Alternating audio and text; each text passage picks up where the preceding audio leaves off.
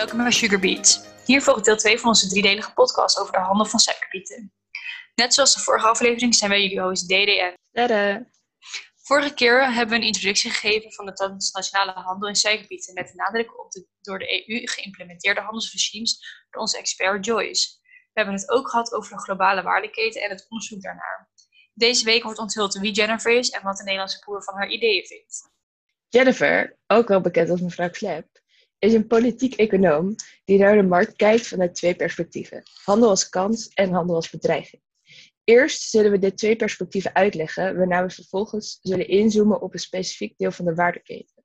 Om iets meer leven in deze podcast te gooien en ervoor te zorgen dat jullie ook nog eens een andere stem horen, zullen we daarna met een Nederlandse suikerbietenboer praten om zijn mening te horen over de suikerbietenhandel en de handelsbarrières opgelegd door de EU. Oké, en dan gaan we het nu hebben over Jennifer Clapp, een artikel uit 2015.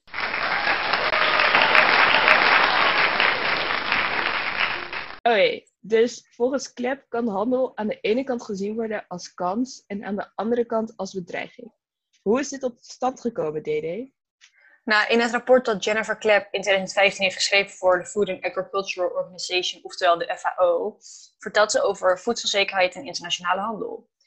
Maar wat, nou precies, wat is nou precies het meest geschikte aandeel dat handel kan aannemen uh, om te voldoen aan de voedselzekerheidsdoelen? Zo, hierover is, uh, hier over een lange tijd een debat gaande. Dus in haar rapport vertelt Clapp over de twee tegenstrijdige benaderingen van internationale handel, namelijk handel als belemmering en handel als een kans of gelegenheid. Het precieze verband tussen uh, voedselzekerheid en internationale handel is wel erg complex. Um, en de beleidsvormen zijn zelden eenvoudig of eenduidig.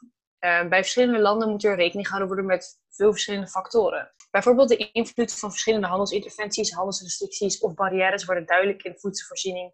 Die kan worden beperkt in landen die ondervonden worden aan voedseltekort door verlaagde beschikbaarheid of verhoogde prijzen. Oké, okay, dus handel als kans. Hoe zou dat zich dan vormgeven? Wat moet ik me daarbij voorstellen? Nou ja, de veranderingen op de wereldvoedselmarkt die in deze eeuw hebben plaatsgevonden, hebben geleid tot een verhoogd gebruik van verschillende beleidsvormen in relevantie tot uh, handel, zoals prijsbelemmeringen of, verboden, uh, of een verbod op export. Deze verschillende interventies werden vooral gebruikt als een hulpmiddel om de binnenlandse voedselzekerheid te verbeteren. Mensen die handel als een gelegenheid zien om voedselzekerheid te verbeteren, baseren een visie voornamelijk op economische ideeën die het idee van voedselonafhankelijkheid, voedselonafhankelijkheid ondersteunen. Wat volgens de FAO betekent dat handel, uh, te, gebruiken als een, handel te gebruiken is om een, om een middel als voedselzekerheid te verzekeren. Uh, dit concept staat vaak uh, in contrast met de zelfvoorziening van voedsel, wat door voorstanders van handel kan worden opgevat als het volledig sluiten van grenzen. Uh, op het moment supporten de meeste economen een meer vrije handel in plaats van het gebruik van handelsprotectie. Dit omvat ook handel in voedsel- en landbouw, landbouwproducten. Oké, dan weten we nu hoe handel als kans er ongeveer uitziet. Maar handel als belemmering of zelfs bedreiging, hoe uit dat zich dan? Nee, dus het andere perspectief dat handel zou kunnen aannemen in de wereldvoedselmarkt is de rol van um, handel als een gelegenheid of een kans. Uh, dit perspectief uh, krijgt meer aandacht aan de hand van de uh, recente voedselcrisis. De stijgende voedselprijzen op een internationaal niveau hadden een directe invloed op de toegang naar voedsel in verschillende landen die afhankelijk zijn van voedselimport als belangrijkste bron van de nationale voedselvoorziening. Dus de crisis heeft er ook toe geleid dat landen probeerden minder afhankelijk te worden van de internationale voedselhandel. Staat handel als bedreiging dan recht tegenover handel als kans? Nee, het perspectief internationale handel als een bedreiging is niet het tegenovergestelde van het eerder genoemde perspectief handel als een kans. Dit perspectief geeft wel kritiek op handel als een kans, maar het geeft ook een alternatieve visie weer. Met deze visie voor voedselzekerheid liggen de fundamenten bij het anders organiseren van de landbouw en, voedselsector. De alternatieve focus ligt op kleinschalige boeren, een biodiverse landbouwsysteem en een radicale afname van afhankelijkheid op internationale handel om voedselzekerheid tegemoet te komen. Een paar voorbeelden van voorstanders van dit perspectief zijn regeringen van ontwikkelingslanden, maatschappelijke organisaties en sociale bewegingen. Maar ook academici op het gebied van voedsel zijn voor het perspectief van handel als een bedreiging voor de voedsel, wereldvoedselmarkt. Er is op dit gebied geen consensus. Sommige van die voorgenoemde actoren pleiten voor een sterke en actieve rol van de staat bij het vaststellen van internationaal voedselbeleid, terwijl andere actoren sceptisch zijn tegenover soevereiniteit en staatsgezag. Het is belangrijk om te benoemen dat dit perspectief niet vraagt om alle handel in voedsel en agrarische producten te beëindigen, maar de prioriteit te leggen bij de nationale en lokale voedselsystemen. in plaats van het industriële voedselsysteem. Dus het gaat eigenlijk om protectionisme.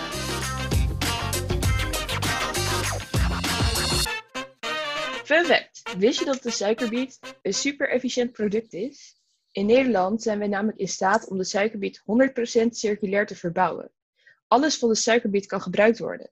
Zo wordt de bietenpulp die overblijft verwerkt tot veevoer. De bietengrond wordt gebruikt voor het ophogen van wegen en dijken. Melasse wordt toegepast voor fermentatie en gistproductie. Van de bietenpuntjes maken we in de biomassa-vergisters groen gas waar onze vrachtwagens op rijden. En het digestaat wat overblijft na de groengrasproductie wordt gebruikt in de landbouw. Melasse, digestaat. Melasse is een stroopachtig bijproduct van de productie van suiker. Digestaat is vergiste biomassa en is een restproduct van de biogasproductie. Digestaat bevat onder andere water, levende en dode organismen en mineralen.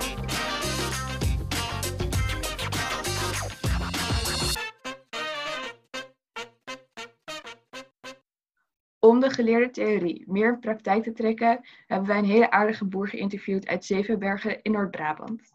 Deze boer gaat onder de naam Urjan Schrouwen. Hij beheert samen met zijn vrouw Marije een boerderij te grootte van 120 hectare.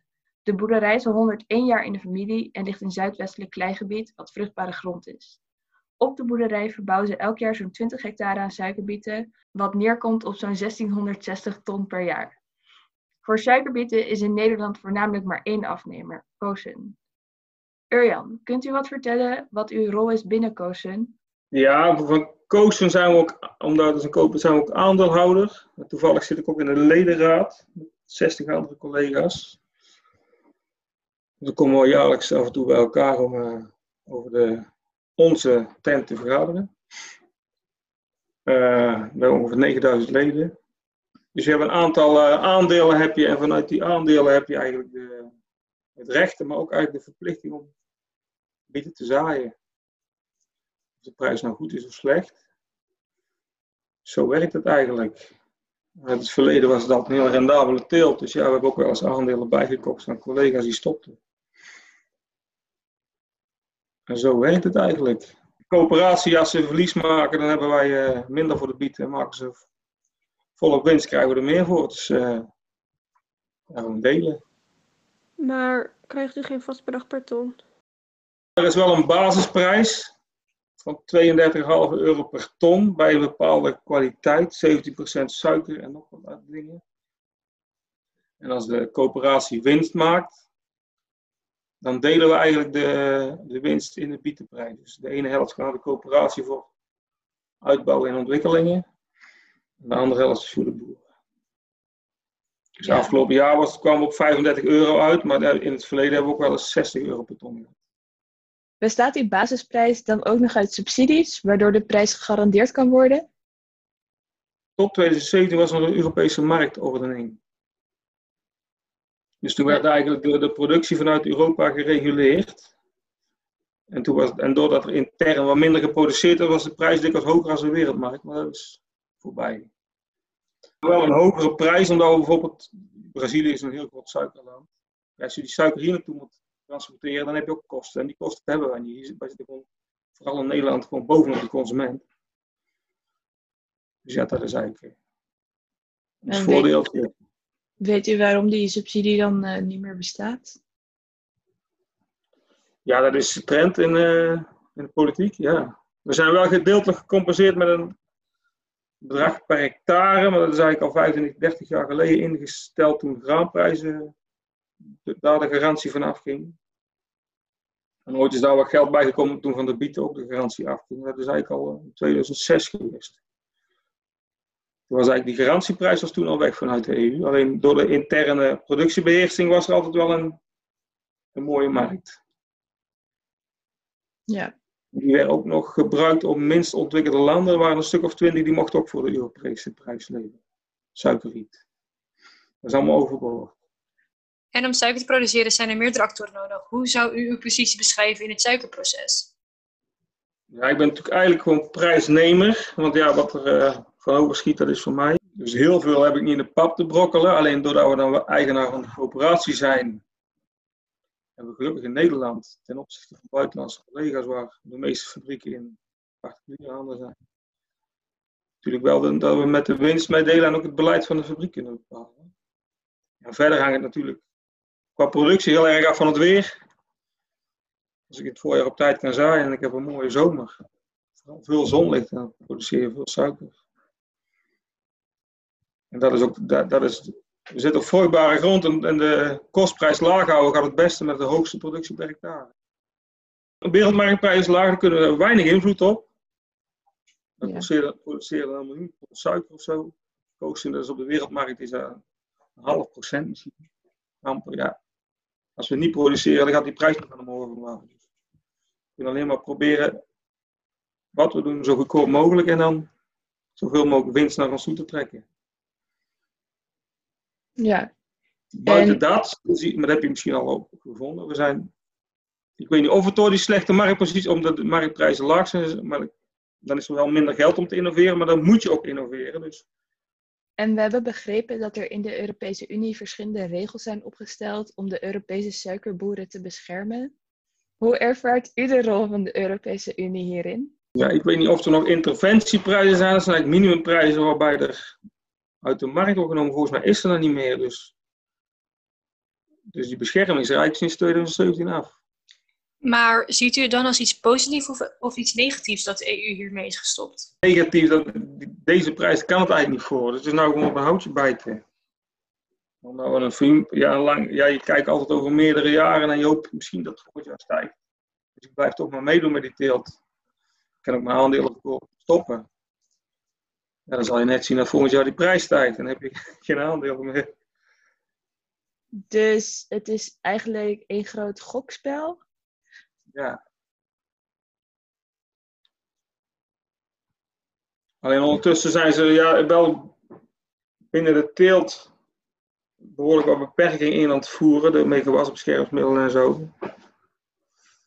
Dan zou het misschien wat terecht zijn als je zegt, we reguleren de productie, we geven een hogere prijs, dan kunnen jullie die aanpassingen in die teelt met minder gewasbeschermingsmiddelen, meer stoffen en meer werk.